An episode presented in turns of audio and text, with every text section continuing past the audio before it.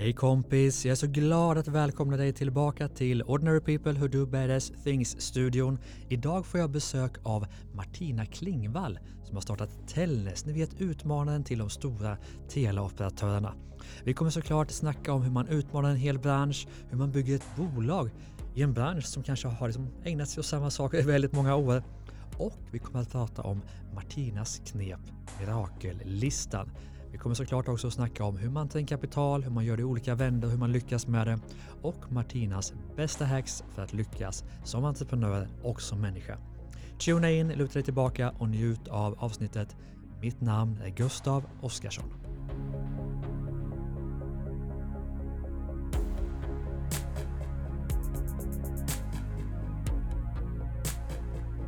Varmt välkommen till Ordinary People Who Do Badass Things. Martina Klingvall, Tack så mycket. hur mår du? Jag mår bra tack. Ja, Ja. du kom in springande här och sa att du hade haft en intensiv dag. Vad händer i ditt liv just idag? Vad händer i mitt liv just idag? Ehm, ja, men vi håller på med en kapitalresning så att det är slutdialoger med flera här så att man är uppe i tempo kan vi summera det. Ganska mycket utanför comfortzonen. Men det är Vad roligt. spännande. Det måste vi Mm. snacka mer om för det gillar ju lyssnarna jag. Det funkar att ta Mm. in kapital. Vi Mm. kanske inte kan dela alla detaljerna men lite Nej, principer och sådär kan, man, kan vi gå in på. Ja. Men du driver ju Tellnäs. Yes. Vad är Tellnäs? Tellnäs är ett eh, telekombolag. Mm. Så att vi är en startup inom eh, teltech-sektorn som vi börjat kalla det här. Är det ett officiellt namn? Nej, jag tror vi försöker hitta på det själva. Typ som fintech Ja. fast Det teltech. finns tech, det finns eh, sextech och det finns Ja. tech på allt. Liksom. Ja, jag tror eh, det finns inga andra teltechbolag så vi tänkte vi tar det spacet. Ja. Eh, nej, men så att det, det är en eh, mobiloperatör eh, för företag. Så att Mm. vi utmanar liksom Tele2 och Telia och de här stora och gör digitala lösningar för, för småföretag, abonnemang och växlar. Mm. Eh, men sen har vi också byggt eh, alltså teknik för att faktiskt möjliggöra eh, en annan upplevelse för både slutkunden men också för oss som operatör. Så vi säljer även mjukvaran i ett systerbolag, Telnäs Technologies, till andra telekomspelare. Okej, inte svenska då antar jag? Nej, exakt. Eller, utan de som... Vi har faktiskt någon svensk kund, Jaha, vad spännande. Eh. Så ni konkurrerar ju med er själva då potentiellt? kan vi säga. Ja, smart. Eller?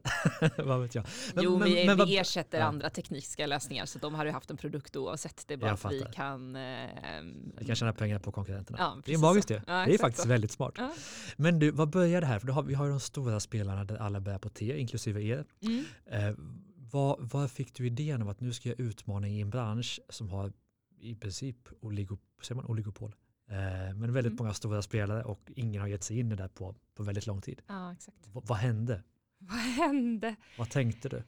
Eh, alltså jag jobbar ju på en av de stora eh, Mm. operatörerna, alltså Telenor. då. Just det. Eh, och det hade ju kommit en del eh, spelare som det kallas, i telekomspråk så kallas det digital telcos, så att eh, utmanare som är Ja. liksom digitala spelare. Man känner säkert till Vimla och Hallon och Halebop och. Comvik. Alla de är ju ägda av en stor operatör Mm. och är liksom deras subbrands. Var de det från början också? Eh, vissa har startats rent från början från operatören, så både Vimla och Tre startades av operatören. Just. Eh, de andra har eh, blivit uppköpta. Ja. Eh, och, men det är ju på konsumentsidan. Mm. Och de tar marknadsandelar, har nöjdare kunder än de traditionella bransch, alltså brandsen. Ofta billigare också. Ja, eh, man har förenklat, förbättrat och blivit av med legacy som möjliggör liksom både bättre för slutkunden men också Mm. enklare hantering för själva operatören. Ehm, men det hade inte kommit på företagssidan. Så att Mm. såg väl mer att någon borde göra det här.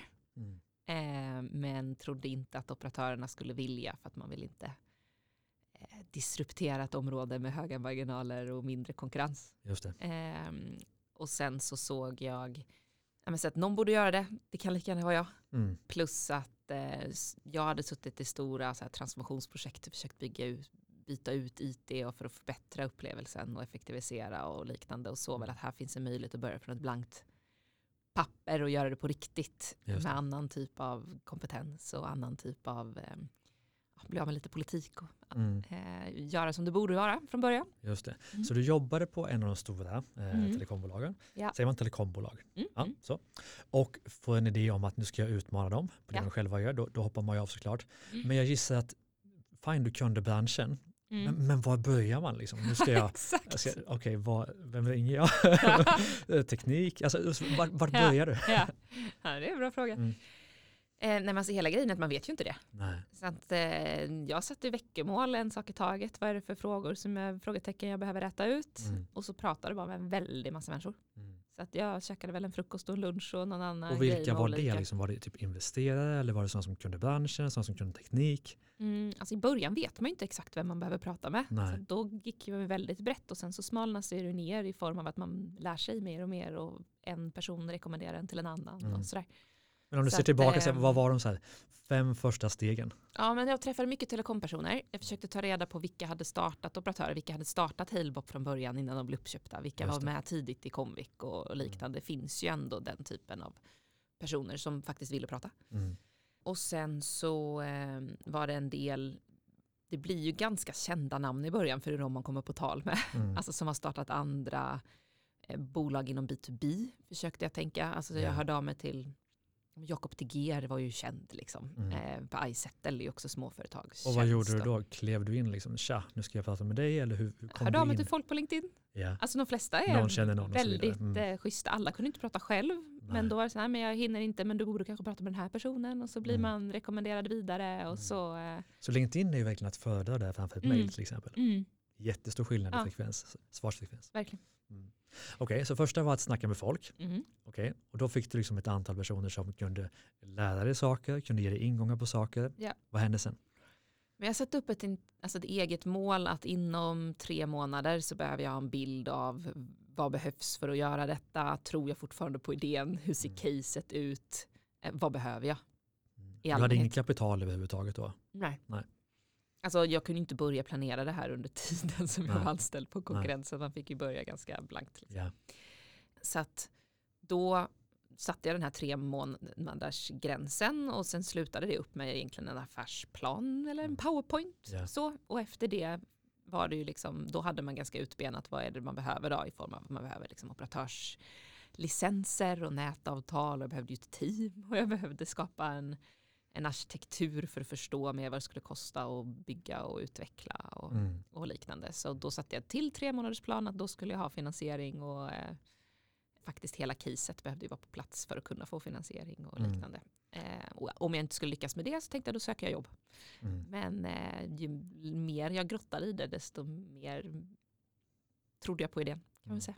Och vad var det som du gick igång på då? Var det att förändra en bransch, ett beteende? Eller såg du att här finns det en enorm lönsamhet? Eller var det liksom så här, shit det här är grejen. Det här är Mm. liksom stora USPen med att göra Mm. eh, resan. Nej, men jag hade väldigt, och det har jag fortfarande, att Mm. verkligen ändra standarden på den här branschen. Mm. Det är liksom Och varför var den så dålig? Så vad var det som var fel? Ja, Samtalen gick ju fram och hit och dit. Ja, nej, alltså, men tittar man på telekom i allmänhet, alltså kundupplevelsen och kundnöjdhetsmätningar och sånt Ja. är ju botten av botten. Okej, så det kanske inte var tjänsterna i sig som var fel på utan det var mer upplevelsen av dem. liksom. Ja, alltså så här, det funkar ju ringa för de Mm. flesta. Ja. Det är ju ingen issue. Ja. Men eh, alltså jag jämförde lite med, tänk er bankvärlden vad den var för 15 år sedan. Mm, Där man innan internetbanken kom, då behövde man liksom gå till ett bankkontor för att veta vad man hade för saldo på sitt bankkonto. Mm, Eh, och man behövde ringa, i bästa fall hade man en personlig bankkontakt som kunde hjälpa en att föra över pengar och man kunde ringa till. Liksom. Annars behövde man gå in till kontoret eller ringa support för allting. Nu loggar man in med BankID, inte för att någon har tvingat en, utan bara upplevelsen är väldigt mycket bättre digital. Man sparar tid och man har kontroll. mm, Telekom är ju fortfarande där man som företag i bästa fall har en personlig kontaktperson som kan hjälpa en att se vad man betalar för kostnader och vad Mm. man förbrukar och liknande. mm, I vissa fall så kan man se vissa saker i portalen men man är fortfarande väldigt beroende av Mm. eh, support eller, eller Mm. kontaktpersoner. mm. Och jag tror ju liksom det är ju framtiden är ju att är det tillräckligt enkelt att göra det själv och ha kontroll själv så är det bättre för alla parter. Just det. Och där såg du en lucka. Ja. Och okej, nu måste jag bygga, team, nu måste jag skaffa den här licensen. Vad blir nästa steg då? Är att okej, nu måste jag ta in kapital för att göra det? Exakt. Och hur tar man in kapital när man bara har en idé? Ehm, nej, man får ju sälja in sin idé Såklart. och att man lyckas, eh, alltså inte bara idén utan man behöver sälja in både idén, marknaden och potentialen men också varför man tror att man kan exekvera på den i slutändan. Mm. Och det som är intressant, alltså, kommer du ihåg det då i ditt första pitchdeck kan vi Mm. kalla det? Vad var liksom så här, hit ska vi? Mm. Vad skrev du där? För att de skulle gå igång på det. Ja men exakt. Ja, men då var det väldigt mycket det här förändra branschen. Att Ja. vi skulle ha en branschens nöjdaste kunder. Och sen Mm. så var det ju volymmål för hur vi behövde för att bli lönsamma och Mm. för att gå vidare. Så det, det, alltså det är ganska lika mål som vi haft fortfarande i operatören faktiskt. Mm. Och vi har följt, eh, det tog lite längre tid i början. Jag tror, vi hade underskattat ehm, ehm, hur lång tid det skulle ta att bygga varumärke. Även Mm. fast vi var skitbra, även från start så var det få som trodde på oss i början. Just det. Ett okänt brand, kan man Mm. en svan operatör? Vad är det här för och man orkar inte liksom? byta och det är alla de här frågorna såklart också. Ja, och Mm. det är en ganska sargad bransch med lågt förtroende. Ja, Så att man blir väldigt mycket i det facket i början. Så här, vi litar inte på någon, inte er heller. Eh, många har sagt mycket saker som man inte har levt upp till eh, tidigare. Men sen, eh, ja, operatören blev lönsam här i slutet på förra året. Så att, eh, Kul! Ja, Grattis. det hade vi som mål från start att göra Ja. inom en femårsperiod. Och hur många att, eh, var det fem år sedan ni startade? Ja. ja.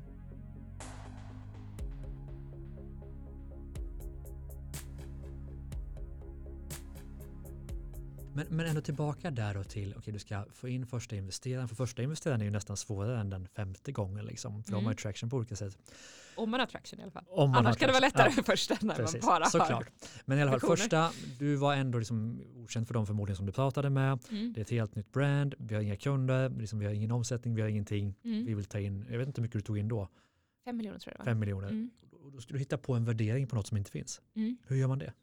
Du säljer ju bara in på en vision, liksom, att vi kommer, Ja, vara, vi kommer exakt. omsätta 100 miljoner om sju år eller vad, Mm. typ så. Alltså, så det är ganska intressant i tidigt stadie på, nu tror jag att det finns, det finns ju olika skolor och olika investeringar, investerare som Mm. tänker olika, men det, i början handlar det mer om vad man villig att ge bort till ägande än vad bolaget egentligen är värderat vid den tidpunkten. Utan Du hur, vill inte hur ge stor, bort för mycket. såklart. Nej, alltså hur stor del får man som investerare för en viss investering? Alltså så här, gör det här så får du den 5% eller 10% Mm. eller 3%.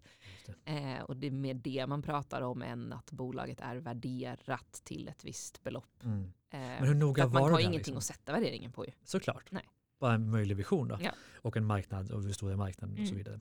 Men hur noga var du där med vilka du tog in? Eller var det så, åh, pengar, pengar, pengar, jag tar in vem som helst? Eller var det så, nej men den här och den här vill jag ha? Ja, men vi försökte verkligen få in det man kallar det smarta pengar Mm. och personer som kunde hjälpa till på olika sätt. Och de tidiga investerarna var verkligen väldigt aktiva i början. Mm. Alltså det var alltifrån någon som kunde telekom och hjälpte till i förhandlingar och upphandlingar av avtalen eh, och hur man liksom satte upp det till någon annan som var expert inom här, kommunikation och hjälpte till i tonalitet och PR-planer och inför lanseringen och liknande. Men Så det var att, mer eh, affärsänglar då? Det var bara änglar vid det tillfället. Ja. Så inga liksom venture-filmer liksom och Nej. sånt. Och det är ingen vits kanske ens att kontakta dem i, i det stadiet utan det är verkligen hitta folk som dels kan bidra som du säger men som har kanske som inte har de stor, största plånböckerna Ja. men som kan gå in med en halv miljon, en miljon eller något Ja, sånt där exakt. och som tror på bolaget och som Mm. kan bidra. Mm. Men, men det är ändå spännande att flytta för ni- ska ju ta in pengar för fem, fjärde eller femte gången nu va? Mm, mm, Och om man ser på de olika rundorna ni har gjort, mm. jag vet inte hur mycket ni har tagit in i de olika Vi har tagit in totalt innan den här rundan nu då 65 miljoner. 65. Mm. Hur förflyttar man sig liksom från affärsänglar, vad, vad kommer sen? Mm. Vad tar man in sen? Är det, liksom, är det fonder eller är det VC-firmor eller, eller kommer det något steg emellan där? Alltså så här, det beror ju på vilken typ av bolag man vill bygga. Ja, men då tänker jag på ditt. Ja, men på Ja. mitt, alltså för vi, vi har ju en långsiktig eh, affärsplan och Mm. vi har ju vi tar ju betalt för våra tjänster vilket gör att vi har ju liksom en underliggande lönsamhet och, Ja. och liknande och då är det ju en typ av partners som Mm. passar. Hade vi haft en konsumentprodukt där vi behöver gå in i 20 länder i år och skala då kanske det är en annan typ av investerare med kortare tidshorisont eh, och som vill, vill ta mer risk till exempel som passar.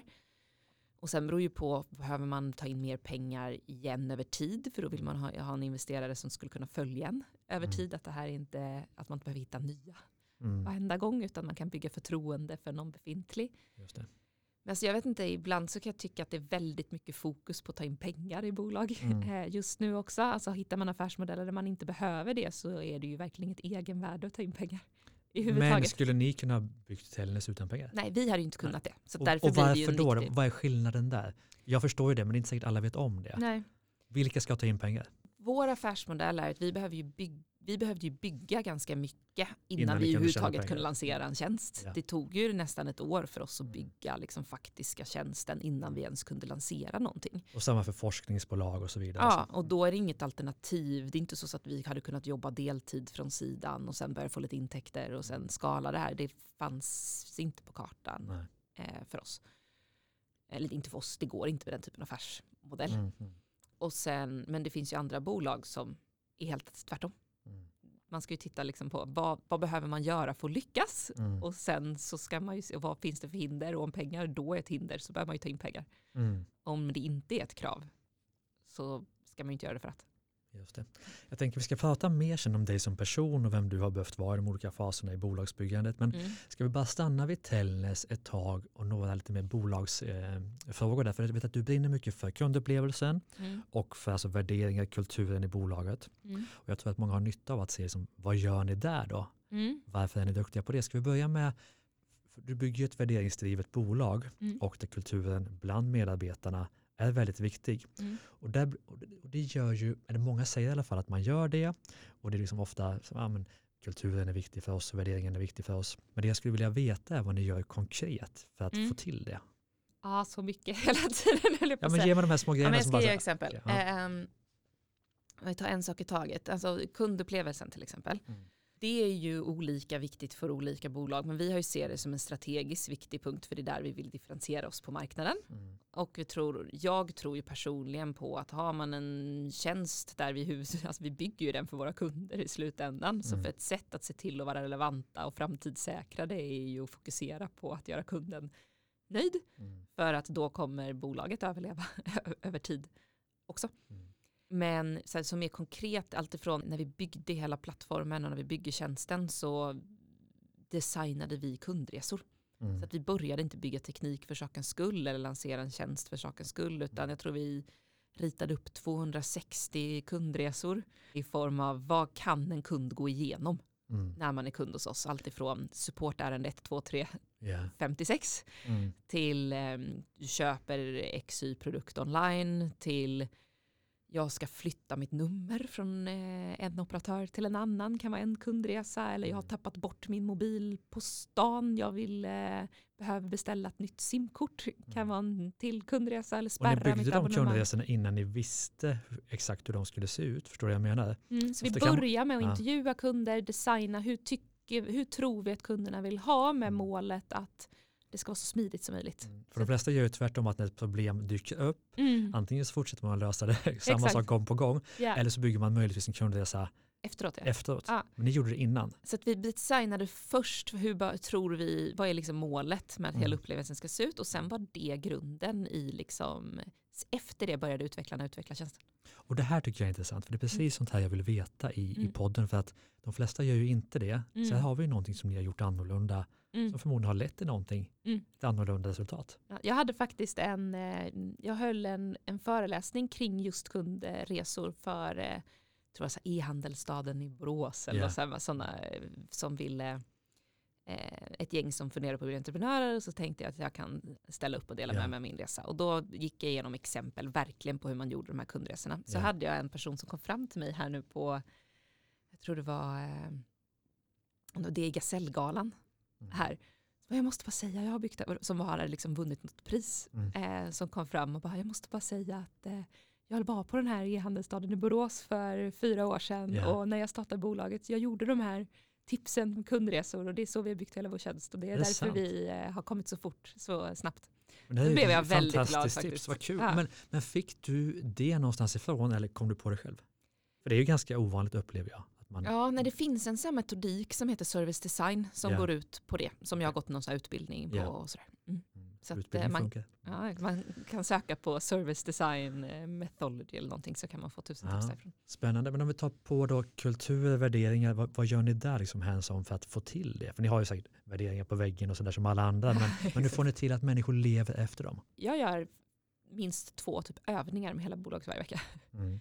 Så att vi har någonting som kallas, alltså dels har vi en onboarding och alltså det är ganska tras, klassiska För grejer för medarbetare, nya ja. medarbetare och sådär.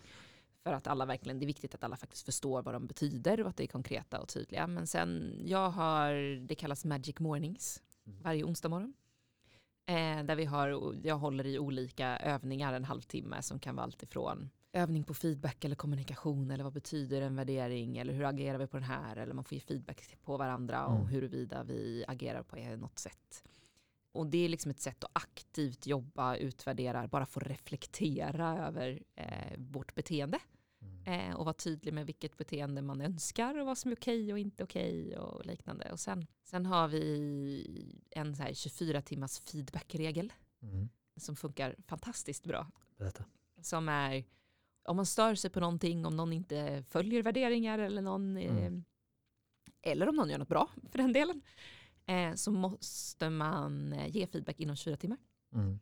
Och gör man inte det så måste man släppa. Så du får aldrig ge feedback till någon annan om det har gått mer än 24 timmar. Då ansvarar du. Inte ens positiv feedback. Alltså gärna inte. Alltså Och- man, och, men man vad är syftet? Vad är syftet? syftet är att ingen ska gå och undra om vad de andra tycker om en och ingen ska Mm. gå och undra om man gör ett bra jobb eller inte. Tycker och man någonting då säger man det. Ja. Men man gör det på en gång. Exakt. Mm. Plus att saker blir oftast väldigt mycket större om man väntar. Mm. Också om jag går och säger till dig, jag har tänkt på det här ett tag. Ja. Och så, så säger jag, jag tycker att du har gjort så här och det här vid de här situationerna. Då blir det ju jättejobbigt för då Mm. fattar ju du att jag har gått och tänkt på det här ett tag. Precis. Men om jag säger, du jag tänkte på den här grejen du gjorde precis. Mm. Jag uppfattade det på det här, och det här sättet. Då har du en chans att besvara det direkt. Det blir Mm. ganska odramatiskt. Och det är inte så får mycket man mer en, än det. Liksom. nej, och så får man iterativa dialoger. Plus Och rent problemen växer ju inte då, utan Nej, du tar dem på en gång. exakt. Plus att man skapar också en dialog och en feedbackkultur där man pratar med varandra ofta Mm. istället för att samla på sig saker. Och alltså rent helt ärligt så är det också någonting som folk skyller på. Mm. Alltså jag kan säga, folk kommer ju till mig som jag inte pratar med så ofta. Jag kan ha sagt någonting på ett stormöte eller någonting.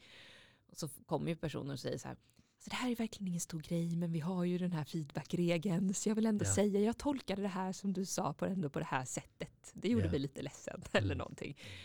Eh, och det är ju bara nice om någon kan gömma sig bakom regeln. För att budskapet kommer ju fram i slutändan, vilket är det viktigaste. var skönt att ta feedback och skylla på den. Ja. Ja, Och jag måste säga det här. Ja. exakt. Jag tror inte att jag kan släppa det annars. Nej. Men det är helt magiskt ju. Mm. Men då måste det också, det- det fick väl en del konsekvenser, när- ni kanske hade den från start, vad vet jag. Mm. Men det blir också en del människor som är väldigt ovana vid den typen av feedbackkultur. Ja. Har det funnits människor som inte har passat in då på grund av den feedbackkultur som ni har? Alltså det det kräver är i sin tur i en kultur där folk eh, litar på att alla vill en väl. Mm. Om man inte har en trygghet samtidigt och en teamkänsla i form av att så här, alltså jag ska inte ge dig feedback om inte det är för din skull och för att jag vill dig väl i slutändan. Mm. Och litar inte du på att jag vill dig väl så kommer, då är det jobbigt att få feedback. Mm. Det är därför vi behöver göra sådana här typ av övningar typ varje vecka. Där vi Mm. typ testar, alltså det kan vara, förra veckan gjorde jag en övning på hur man tar emot feedback på ett bra sätt. Mm. Till exempel, man fick testa och säga olika saker och hur känns det att ge, hur känns det att ge feedback när den andra Mm. personen säger äsch. Det. Eller liknande. Och en annan övning kan vara ehm, vad behöver man från sina kollegor för att känna trygghet och så får alla dela med sig kring det. Alltså så här, vi gör små övningar varje vecka för att faktiskt eh, öppet och planerat ha dialoger kring olika saker. Mm. Och det är spännande med värderingar för att ibland tänker vi att vi skriver dem på väggen Mm. och så är vi med dem i någon plan man får när man eh, blir anställd Mm. och så nämner vi dem på kickoffen en Mm. gång per kvartal. Exakt. Men just det här med att jobba med för jag tror inte vi kan nämna och prata och jobba med dem för ofta. Mm. Där tror jag många springer fel, att det blir en, en pappersprodukt och inte något man påminner om. Det är samma Ja. som med säljbudskap eller kommunikationsbudskap. Det kanske är sjunde gången man hör det som man förstår det Ja. och jag tror du behöver säga dem varje vecka som Mm. ni gör. Så där har vi egentligen två saker då åtminstone som ni gör annorlunda jämfört med alla andra och det vill vi komma fram till. Alltså med Mm. feedbackkulturen, jätteviktigt att ni jobbar med den sen hela tiden. Och eh, kundresorna är också en sådär, Mm. shit här har vi någonting annorlunda. Mm. Har du någon mer sån där grej som du känner att, som du känner att det här gör vi annorlunda jämfört med många andra bolag? Men jag skulle säga de här veckomötena kring specifikt kommunikation och beteende och sådana Mm. grejer. Alltså jag känner mig som en lekledare som ska komma på någon övning Mm. minst en gång i Det är veckan. en ny övning varje vecka. Då. Ja, Mm. exakt. Ja. Eh, och det är så här, ibland så undrar man bara, "Pff, är det här jag borde lägga tid på? Det sitter där Ja. tisdagskvällen liksom. Men samtidigt så tror jag ja, det är faktiskt det jag ska lägga tid på. Mm. För i slutändan så skapar det ett team som har kul och brinner för bolaget typ lika mycket som jag gör.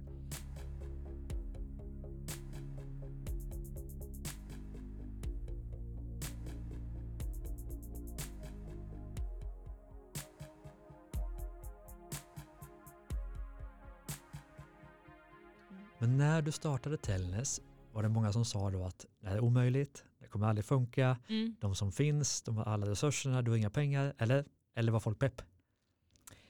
Oj, man får ju höra allt högt och lågt. Ja. Eh, så att det, allt däremellan är Mm. väl svaret. Eh, Eller, hade, men- du- eller var du redan innan duktig på att omge dig med människor som, som liksom stöttade dig? Eller var det mycket negativitet i början? Alltså från teamet har det inte varit negativitet. Alltså jag, ja, men team, de är ju med, de har ju köpt in Ja, sig. men liksom. exakt. Ja. eh, men allmänheten, alltså Ja, men vänner, föräldrar, det kan vara vad som helst. Alltså, bekanta, du träffar gamla kollegor. Nej men alltså de flesta Ja. tyckte ju att jag var totalt dum i huvudet i början. Mm. Eh, alltså så här, du ska skapa en operatör, kan du göra något realistiskt? Ja. Så. Mm. Eh, och det går inte att få nätavtal, det här kommer aldrig gå. Och bara, Ja. Det är mest negativitet skulle jag säga. Okej, Men var sökte du stöttning då? För man behöver ju ändå, för det är svårt att göra någonting själv, man behöver ju Mm. folk omkring sig som tror på en, som ger en energi. Var hittar du den? Nej, men dels så teamade jag ju upp med några alltså co-founders Mm. tidigt in på resan. Som, och jo, både Jonas Sedenving och Carl Salin är ju, vi är ju supertajta Mm. eh, fortfarande. Så att, och Ja. det tror jag att bara ha, inte vara själv utan ha varandra Mm. i form av vi tror på det här, vi stöttar varandra. Mm. Eh, man vågar vara svag för varandra. Mm. Eh, det har ju gjort jättestor skillnad. Eh, och sen har jag ju haft liksom en väldigt supporterande familj. Mm. Man behöver ha trygghet på några ställen i livet också. För kommer du från en entreprenörsfamilj? Eh, nej. Nej. Nej, nej. Vad gör föräldrarna? Eh, alltså jag är ju från en eh, liten ort utanför Halmstad. Ja. Eh, Får du väl nämna orten för, för ja, lyssnarna? Gullbrandstorp Ja, heter okej. den. Ja. eh, lite utanför Gullbrandstorp till och med, Ja. så Osjö heter det väl. Mm.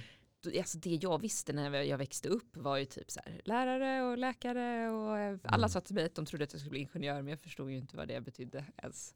Jag tror fortfarande inte jag vet exakt. Nej, jag tänkte att de behöver jobba med olika. lastbilar, jag vet inte. Eh, sen blev jag ingenjör till slut men det Ja. var mer en slump. Ja. Men ska, Eh. ska vi ändå ta, för det är ändå spännande att se liksom, var kommer entreprenörerna ifrån? Mm. När du var ung, upplever du att du på något sätt var annorlunda då eller var du bara en i mängden? Oj, eh, nej men jag skulle säga, jag har nog alltid varit väldigt orädd Mm. som person. Eller nej, fel ord. För att jag har varit, rädd- men jag har varit modig då. Mm. Alltså så här, jag har aldrig låtit rädsla hindra mig att göra något. Ja. Så det tror jag är en ganska så här, viktig egenskap i min personlighet. Att så här, man, jag kan vara utanför min comfort zone, jag kan vara rädd för mycket, men det har aldrig låtit mig hindra och agera. Alltså jag är på okej det här tycker jag är läskigt, okej, då kör vi då. Men vad kommer det av? Var det någonting du lärde dig eller, eller är det medfött? Nej, Liksom? det skulle jag nog säga medfött faktiskt. Ja. Plus att jag har haft, ja men alltså, mina föräldrar är otroligt icke-dömande Mm. som personer. Alltså det är väldigt mycket kärlek liksom. oavsett Mm. vad, alltså man kan göra fel. Ja. De, jag kan, de kan skälla på mig men jag har aldrig varit orolig för hur de älskar mig eller inte. Mm. Och den typen av trygghet tror jag gör att man, det är inte ens handling som gör, om jag skulle misslyckas så behöver inte jag vara misslyckad Mm. som person. Och den typen tror jag kan spela ganska stor roll, att man vågar misslyckas i praktiska saker. Just det. För du har ju barn, Mm. ett barn. Yes. Vad känner du nu? För han, han var ett Han, och ett halvt år. Ja, exakt. Vad känner du att shit, det här vill jag ge honom som Mm. jag tror att han kan liksom ha extremt mycket nytta av? Vad skulle det Ja vara? men det är liksom? faktiskt det. Ja. Alltså separera handling och eh, kärlek och trygghet. Och värdet, ja.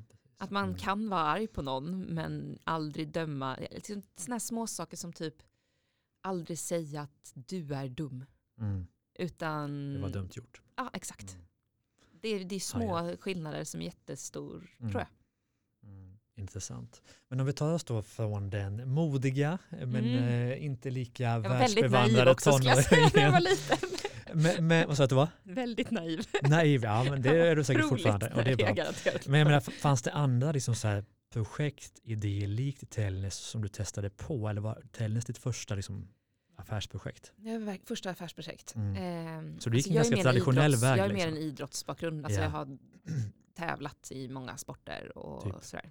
Ja, flera under olika faser i livet. Mm. Alltifrån pingis till eh, mina stora grejer som jag har hållit på med länge är väl framförallt eh, golf och volleyboll. Intressant. Det kan vi återkomma till. Mm. Men det jag menar i alla fall, du jobbade på Telenor, du hade säkert ett välbetalt jobb, hyggligt tänker jag, Mm. och kom på en idé. Okej, det här har ju hänt många. Ja. Alltså man jobbar i ett företag, man säger det här kan man göra bättre, det här borde man starta någonting, Mm. men ingen nästan Gör gör, det. ju det. Ja. Varför gjorde du det? Alltså var det något som hände eller var det bara så här självklart att åh jag kom på en idé, nu kör vi? Eller var de så här, jag är så jävla trött på det? Eller, Mm, ja, men bra fråga. Nej, men det som hände var nog faktiskt, jag satt i ett möte där det var ett projekt som skulle implementeras och som jag drivit igenom länge, liksom, som skulle Mm. bli bättre för kunden etc. Och sen så i mötet så var det ett beslut, bara, nej men det här kommer skjutas på nu sex månader. ja, Och jag bara okej, och så gick jag ut. Och så bara går jag ut och så, så reflekterar jag bara Martina, du blev inte upprörd. du kämpade, du typ på något sätt tyckte att det var okej att det här sköts upp utan att du, du har tappat gnistan eh, i stort sett för att då började liksom ty- då hade jag kommit in i en typ av takt där man utmanar och utmanar och sen till slut så kommer man ju in i en situation där man kämpar inte för exakt allting. Man, alltså jag är jag säga, stolt över att jag är eh, ivrig och ganska pushig och eh, nöjer Ja. mig inte om jag tror på någonting så kommer jag driva Mm. det hårt. Och då känner man nu har jag tappat lite det. edgen. Det går inte. Nu bör jag göra någonting annat. Mm. Och då började det liksom spåna vidare på att jag kanske ska göra det här nu då. Mm. Som du hade tänkt på. äggar man Mm. igång sig själv. Liksom. Men men ändå intressant, för tänk om det hade blivit av det där projektet. Ja, kanske. Och du Mm, hade, det det hade varit varit här. jättekul. Ja. Åh, så spännande med små detaljer som Ja. bara gör att man går en annan väg. Ja. Ja. intressant. Men du, eh, vad står det på väggen hos Tellnäs? Vad det står på väggen. Ja. Nu har vi idag flyttat kontor så det finns typ Jag läste en gammal intervju. Ja, men det har stått eh, om du är eh, för liten, om du tror att du är för liten för att göra skillnad, eh, prova sova med en eh, mygga i sovrummet. Mm. Den eh, tycker jag är väldigt inspirerande själv. Mm. Verkligen. Men du, låt oss gå in lite mer på dig som person. Vi har snackat lite om eh, barndomen och idéerna och drivkrafterna. Ja. Förutom det vi har nämnt, finns det något mer som du känner i din personlighet att det här har jag haft en enorm nytta av i företagandet? Ja, alltså om du skulle fråga folk som känner mig, Ja. vad är liksom min starkaste egenskap? Typ? Mm. Då är jag otroligt nyfiken Ja. som person. Mm. Alltså på väldigt nyfiken som Mm. person. Och det tror jag har varit väldigt positivt för att det gör att jag är nyfiken på människor, jag är nyfiken på att förstå eh, kunderna och beteenden, jag är nyfiken för vad ska hända om man lyckas. Mm. Ehm, och s- gör mig ganska proaktiv och driven och ehm, jag tror folk tycker att det är kul också för det gör att jag gärna involverar folk och blir liksom ganska visionär. Och sådär. Mm. Finns det någon egenskap hos dig som har hindrat bolaget från att komma ännu längre? Ehm, Alltså jag ser ju till att omge mig av personer som försöker ta ner mig lite på jorden och så kanske Mm. lite mer processtänk och se till att det blir mer fokuserat. För jag har mycket idéer, vill göra Mm. mycket saker och om man ska få saker att hända så behöver man ju fokusera och prioritera och se till att ta saker hela vägen i mål och förvalta Mm. det efteråt. Och sådär. Så att, men det är jag ganska medveten om och jag har väl landat i att jag måste inte vara bäst på det också. Mm. Men jag måste säkerställa att ha andra runt omkring mig som kompletterar och har den rollen Mm. eh, för att saker ska eh, både komma hela vägen i mål innan jag har tröttnat på det när det är 90% klart Mm. Plus eh, förvaltas väl. Men för att vara den person du behöver vara, för menar, du behöver komma in med mycket energi, du behöver Mm. vara den här, i den här liksom, statet av att vara nyfiken, du Ja. behöver liksom ut och sälja säkert, hitta Mm. finansiärer, vad det nu kan vara. Alltså, du måste ju vara, för att bygga den typ av bolag du vill ha, Mm. så måste ju du vara ditt bästa jag nästan varje dag. Mm. Hur ser du till att, att du hamnar där? Har du liksom några Mm. spännande vanor eller så som, shit det här hjälper mig, hade jag inte gjort det här så hade jag varit Ja. en sämre entreprenör. Alltså så som du uttrycker det nu, det är så intressant för det är verkligen så det är. Ja. Jag är ju helt slut när jag kommer hem på dagarna. Och folk, man kan ju undra, liksom, vadå du har haft en bra dag? Ja, Mm. men det krävs jättemycket energi för att Ja. my- mycket av min uppgift är att sprida energi och att vara, vara liksom på tå Mm. hela dagarna. Nej, men jag, eh, har, ja, men jag har några rutiner. Jag älskar frukost på sängen. Ja. Eh, jag har min frukoststund där jag inte tittar på mobilen, behöver sitta gärna typ själv i sängen. Nu Mm. går inte alltid det när man har små barn hemma. Ja. Men jag försöker fortfarande då se till att ha lite, inte stressa först, det behöver inte vara länge, men jag brukar försöka sitta i alla fall tio minuter och bara blank. Jag är inte så aktivt att jag mediterar eller så, men min frukoststund är liksom typ indirekt det, eh, där jag samlar energi. Och sen har jag väldigt behov av att eh, alltså ändå ha egen tid. För mig att så här, jag går gärna till jobbet eller hem från jobbet eller ser till att ha lite restid när jag verkligen inte gör någonting för att samla både till och hem. Mm. Eh, alltså i början och slutet av en arbetsdag. Mm. Man måste ladda också. Liksom. Mm. Jag känner på mig att du har mer saker du gör som du kanske inte tänker på själv men som, som är viktiga för dig. Alltså det Mm. finns ju massa olika ämnen man kan prata om men det kan ju vara kost och hälsa och träning och sånt Mm. såklart. Eller också saker du gör för att lyckas vara produktiv. Det kan vara Mm. saker du väljer bort, att jag kollar aldrig på sociala medier. Inte vet jag vad det kan vara. Mm. Det känns som att du har mer som du Gud, det inte... finns ju hur mycket som helst. Jag har tagit bort alla mina notiser på sociala medier. Ja, Så att det pingar liksom aldrig. nej. Alltså i varken Messenger eller det enda som pingar i telefon eller sms. Mm.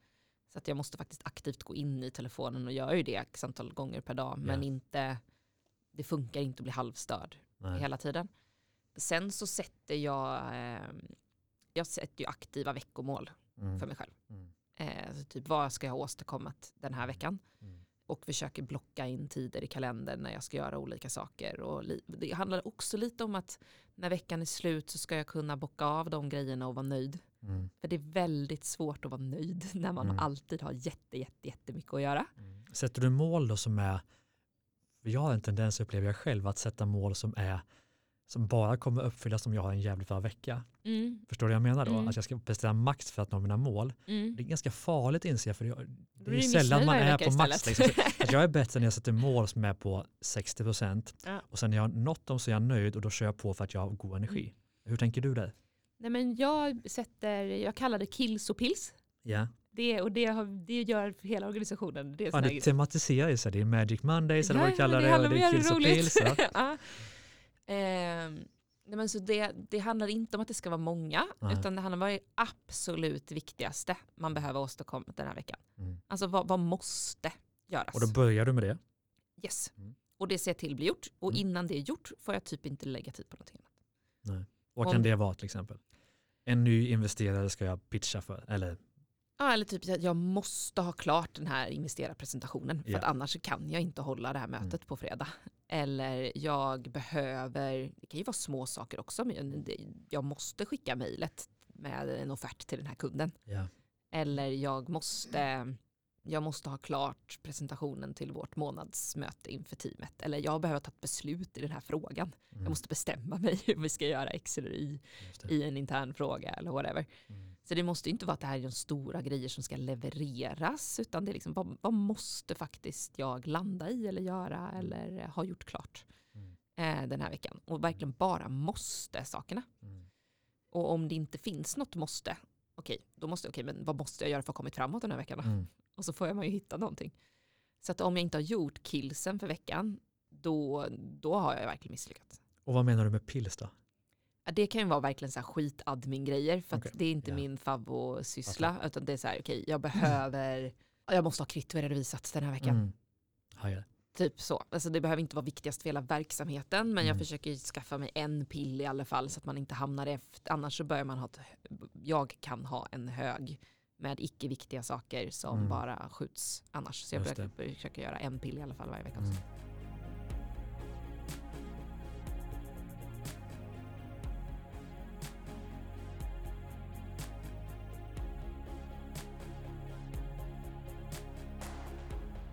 Det som är intressant tycker jag med människor jag träffar i podden är att Mm. Jämfört med alla andra småföretagare som Mm. kämpar, ofta byter sin tid mot pengar och sådär, det är att de lägger ganska mycket tid, eller mycket tid på det som är viktigt men inte bråttom just nu. Alltså strategi, utveckling, Mm. eh, allt som är viktigt på lång sikt. Mm. Hur duktig är du på att vara i, i den typen av uppgifter? Ja, Men ganska bra skulle jag säga. Mm. För det är en sån grej om man börjar tänka kills till Ja. exempel. Vad är viktigt för att verksamheten ska gå framåt? Ja. Och så kanske jag kommer på, Men man tänker så här, men kill, är det här så himla viktigt? Mm. Alltså om man verkligen ifrågasätter sig det varje vecka, Mm. vad behöver jag göra? Och då börjar man ju faktiskt fundera, men den här frågan behöver jag kanske, jag behöver ta det här vägvalet. Och så börjar man tänka lite, ja men det är viktigare ändå att jag landar i det här innan Mm. vi lägger tid på alla de här sakerna som folk kommer göra i onödan innan jag har bestämt mig vilken riktning vi ska gå. Eller så, Mm. eh, så jag tror mycket handlar om att så här, tvinga sig själv att reflektera och eh, Mm. tänka strategiskt på olika sätt. Sätta av tid till det, sätta Mm. av möten för det. Mm, Såklart. exakt. Vara i sammanhang där det är lätt att tänka stort, Ja. eh, vilket kanske inte är på kontoret alltid. Nej. Och så vidare. Och så vidare. Så det är samma sak med alla beteendeförändringar man vill göra. Mm. Eh, Att, att sätta upp det i schemat, boka in det, kanske ha en coach eller en mentor, Mm, göra det ihop med andra och så vidare så att det blir av. exakt så. Mm. Exakt. Men du, jag läste en intervju om en lista som du har också. Aha. Vet du vilken jag tänker på? ja, min mirakellista. Ja, vad är det för någonting? Det fick jag tips. Jag kommer inte ihåg vem jag fick tipset av. Det är frustrerande. Men jag fick Ja. ett tips om att ha en, eh, en mirakellista. Och Mm. då ska man ha en lista. Det här är typ det bästa tipset jag någonsin har fått. Så det Ja. sprider jag gärna vidare. Ja, Då ska man ha en lista på alltså, galna saker som skulle, mirakel som skulle kunna hända dig i ditt liv. mm. Och det kan liksom vara att, alltså jag vet inte vad det skulle vara din, men eh, Jimmy Fallon ringer till dig och frågar om du vill gästa i hans eh, Tonight Show. ja.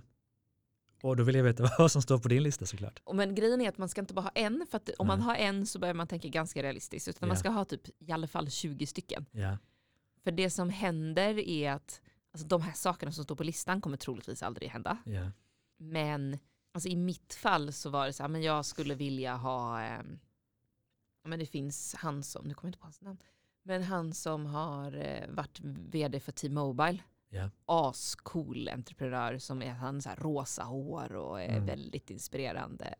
Han bara, men han, om han skulle vara min styrelseordförande, Mm. det hade varit fett coolt. Eller investerare eller någonting. Eller, Eh. alltså det är ju en, en variant av eh, såklart law of attraction och visualisering, Mm. men också att, att man vågar sätta de här, som du säger, galna målen som är helt orealistiska men som hade varit så sjukt kul. Liksom. Ja. Jag vet ju Mm. själv, jag satte ju ett mål en gång eh, om att jag ville träffa Richard Branson. Mm. Jag hade ingen aning om hur, nej men då hade någon sett det och så bjöd han in mig till ett event där han var och fick jag träffa honom. Ja. Så här, Exakt. bara för att jag hade liksom gjort det offentligt. Exakt, det är Mm. precis det som är poängen. Mm. Ja, och det är också så här, det är typ, du köper ett par nya skor som du tycker är jättesnygga och Mm. du tycker liksom de här är helt unika och jag har aldrig sett de här förut, coola de var. Ja. Och sen helt plötsligt dagen efter så ser du de skorna överallt på stan. Mm. Att helt plötsligt har du börjat Absolut. lägga märke Mm. till dem och så börjar du se dem. Men dagen innan du visste att de fanns så hade du aldrig tänkt på det. Så att Mm. när man får upp saker på sin rada så man kan ju inte ta emot alla intryck man Mm. får till sig varje dag. Men om man hittar sätt att få upp saker på radarn så Mm. kommer man helt plötsligt se möjligheter och se öppningar på ett annat sätt än om man inte hade Mm. tagit upp det. Top of your Mm. mind. Liksom. Kul! Mm. Underbart tips ju. Det här måste Mm. man ju verkligen ta till sig. Eh, Alla ni som lyssnar hoppas jag också. Men hur, mycket, hur mycket jobbar du? Det är en fråga som många är nyfikna på med, med entreprenörer liksom Mm. i snabbväxande bolag. Alltså, jag har ju jobbat jättemycket. Mm. Och vad är Eh. jättemycket? Inte gjort någonting annat än jobba. Nej. Från att jag vaknar tills jag Mm. går och lägger mig sent. Så. Jag tror att det krävs under perioder. Ja. Eh, Jag tror inte att det är långsiktigt att göra så alltid. Då kommer man liksom inte hålla över längden. Och jag vill ju driva ett långsiktigt bolag som jag tycker är kul att driva över tid. Mm. Så jag har ju sista två åren egentligen, alltså man, i takt med att man blir lite fler och man rekryterar så faktiskt försöka vara bra på att delegera och se till Mm. att jag ska göra rätt saker och jag ska kunna ha huvudet på skaft och inte bara, eh, alltså jag ska kunna skala det här bolaget och skala Mm. mig själv.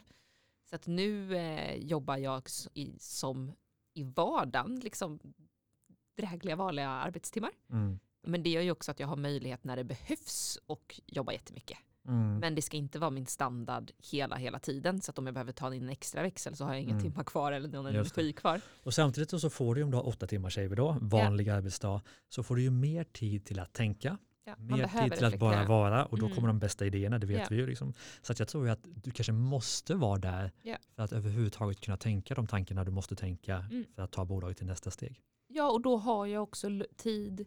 För helt plötsligt så är det en större upphandling som kommer in eller det är någonting annat. Ja, då har jag ju utrymme att lägga Mm. på en växel. Om min standard hade varit att 24 timmar är redan täckta och så kommer något nytt. Ja, ja. Då har jag ju liksom ingen Mm. möjlighet att göra det. Men jag gissar ändå att det här som också är vanligt att man jobbar hela tiden, Mm. att det får konsekvenser för eh, familjerelationer, vänskapsrelationer eller är det liksom, det löste sig? Jag menar, det borde väl få konsekvenser för privata livet? Ja, absolut. Mm. Alltså man behöver ju om man är det beror på vad det är. Det gäller liksom att vara, jag tror jättemycket handlar om kommunikation och vara tydlig och inte lova saker som man inte kan hålla och vara närvarande när man väl umgås Mm. och, och liknande. Och eh, att bara så värdera. Alltså, I mitt fall, jag har behövt prioritera Mm. vänskaps och olika typer av relationer. Alltså det går inte, jag hinner inte umgås med, jag hinner inte ha 20-30 nära vänner som jag ska behålla relationer med. Utan jag har Mm. liksom skalat ner till färre relationer. Mm. Ehm, så att jag hinner värna om dem. Till exempel. Mm. Och det gör att jag har färre men tajtare relationer idag. Mm. Och jag tänker också, du fick barn för ett och ett halvt år sedan, det måste Mm. väl ha påverkat rimligtvis? Mm, absolut. Men sen, det, sen när jag fick det så har jag Ja. också varit väldigt mån om här, just att delegera. Så det, Mm. Jag skulle säga att till exempel vara föräldraledig, alltså som tjej och få barn, man vet ju inte, jag kanske blir skitdålig och inte klarar av att Ja. jobba, så man måste ju förbereda för att delegera. Så det var en ganska nice brytpunkt att göra det och sen Mm. komma tillbaka och bara behålla de sakerna som är riktigt viktigt och Mm. kunna då skala organisationen i takt med det. Så att jag tror den alltså föräldraledighet i en organisation som växer tvingar en att skala lite. Mm. Ett tips. Ja men alltså det är faktiskt inte bara dåligt utan jag vet, hade jag inte gjort det så tror jag att jag hade behållit väldigt mycket mer saker som inte skapade värde. Mm. Det här tvingade mig Spännande. och eh, För många är rädda för det, att då kommer jag Mm. inte hinna jobba lika mycket, vi kan inte ta bolaget till samma nivå. Men Mm. snarare tvärtom, att ska vi kunna ta det till nästa nivå, Mm. då kommer jag ändå någon gång behöva gå ner i tid, så jag får mer tid till att tänka och så vidare. och göra nya saker. Exakt, och göra om. Ja. För du fastnar i massa gamla spår Ja. som du har haft från att du startar bolaget. Mm. Och du kan gå ner till noll och så kan du börja bygga så som du måste vara nu Ja. för nästa steg. Precis. Och vilka egenskaper måste man ha nu som vd? Ja, det var något helt annat Mm. än när man var en liten startup. Mm. Nu är vi en stor startup. Exakt. Ja, men det är väldigt lätt också att även fast jag rekryterar en ny person som ska Mm. ta över mina arbetsuppgifter, en delar av mina arbetsuppgifter för Ja. att man inte hinner göra Mm. två saker till exempel. Mm. Så det är ju väldigt lätt att jag tar över ansvaret för de stora sakerna men jag sit, när man är ny, man gör ju så mycket skitsaker varje Mm, dag. Man gör ju admin-grejer, man gör det och tredje och de lämnar ju inte över till en ny Nej. CMO eller liknande. Mm. Så det blir, jag tror det är många grundare och liknande som sitter kvar på bara massa skitgrejer. För De de har man flesta inte vd upplever jag är administratörer. Typ. Ja. Nej, men precis, och det, en sån här, den här fasen gjorde att jag kunde på riktigt delegera bort allt sånt Hajar. och sen komma tillbaka och göra grejer som är riktigt viktiga Mm. på dagarna istället. Tiden har en tendens att gå fort. Mm. Vi har hunnit med mycket, men jag tycker ändå vi ska sammanfatta samtalet för den som lyssnar. Det, det blir mycket, liksom, man kan hitta på det här, man kan göra det här, man kan göra det här. Men ska vi sammanfatta det i eh, någon form av så här, Martinas topp tre tips till den som vill bygga ett fantastiskt bolag? Oh, Martinas topp tre tips till den som vill bygga ett fantastiskt bolag. Ja, men jag skulle säga prioritera kunden och se till att bygga liksom en, en, en tjänst eller en produkt som faktiskt fokuserar på kunden i slutändan. Mm. För det är de som ska betala allas löner in the end eller bygga det här bolaget in the end. Mm. Och där har vi ju ditt tips om att bygga kundresor Ja, också, kommer in i det, Mm. som är jättespännande. Kan du Mm. bara förklara det en gång till? Kundresor. Ja, att, att bygga dem alltså innan. Mm, så börja med uppstår. att aktivt designa hur man vill att olika scenarios och upplevelser ska se ut. Mm. Och därefter bestämma hur produkten eller flödena eller hemsida eller eh, Just det. vad det nu är för någonting ska byggas i sin Då vet du exakt hur du ska bygga det. Mm, och lo- inte låta det vara en slump. Okej, kunden, fokus, Yes. ettan, tvåan. Tvåan är bestäm dig för vilken kultur du vill ha och glöm inte bort att bestämma för vilket typ av bolag ni vill vara. Mm. Och vad, vad Eh, innebär det? Det innebär att jag tror ju stenhårt på att om man har en aktiv definierad företagskultur Mm. som är uppsatt på det sättet som skapar framgång Mm. för ditt bolag Mm. så ökar det sannolikheten att alla vill göra samma som dig och att man driver bolaget i samma riktning och att alla hjälps åt och faktiskt skapa den framgången man vill ha. Mm. Och jobba med kulturen och värderingarna Yes. varje dag, varje vecka. Ja. Och där var ju Och, ditt tips inte, och också likadant med göra aktivt och ha en strategi, vad ska man göra och Mm. liknande för. och feedback inom 24 timmar var ju ditt också tips. Och som nummer tre då? Nummer tre skulle jag säga, eh, ja, men så här, teamet och personer är allt. Mm. Alltså hitta personer man kan lita på. Och hitta personer som man har kul tillsammans med. För Mm. man lägger ändå sjukt mycket timmar på det här. Mm. Av dy- dygnet på det. Och eh, har man kul och har man personer som man tycker är kul att hänga med så kommer alla ge, ge allt och ha roligare längs vägen. Just det. För ska man vara krass då, nu kanske jag liksom är ute på, på djupt vatten här, men din idé Mm. att, att starta ett telekombolag, det är ju inte så unikt. Att med företagserbjudande är inte så unikt, även om det är bättre. Mm. Att ha en jävligt bra kundupplevelse, ja det kanske är unikt i branschen, men det är något kan, man kan sno från Zappos eller vilka som Ja, nu ja, var absolut. bäst på det. Liksom. Mm. Så att allt handlar ju till syvende och sist om dig och dina kollegor och vilka ni jobbar med. För Det Ja. är det som kommer göra skillnaden. Ja. Så unik är ni ju inte, det är inte- det är ingen rocket science det ni gör. Nej. Förlåt att jag säger nej, det. nej, men det, Men det handlar ju bara om dig och ditt team. Ja. Och det måste men man det ju- förstå. ja, och vi, de som investerar i bolag med, det är det vi kollar på. Mm. Kommer det här teamet kunna exekvera på det här? Mm. Och om det inte går, kommer de kunna hitta en annan väg eller en pivotera bolaget och liksom Mm. ändra affärsmodellen, affärsidén? Vem som helst kan ju inte lyckas. Nej. Hur bra idé man än har. Det precis, handlar så, bara om personen. precis så.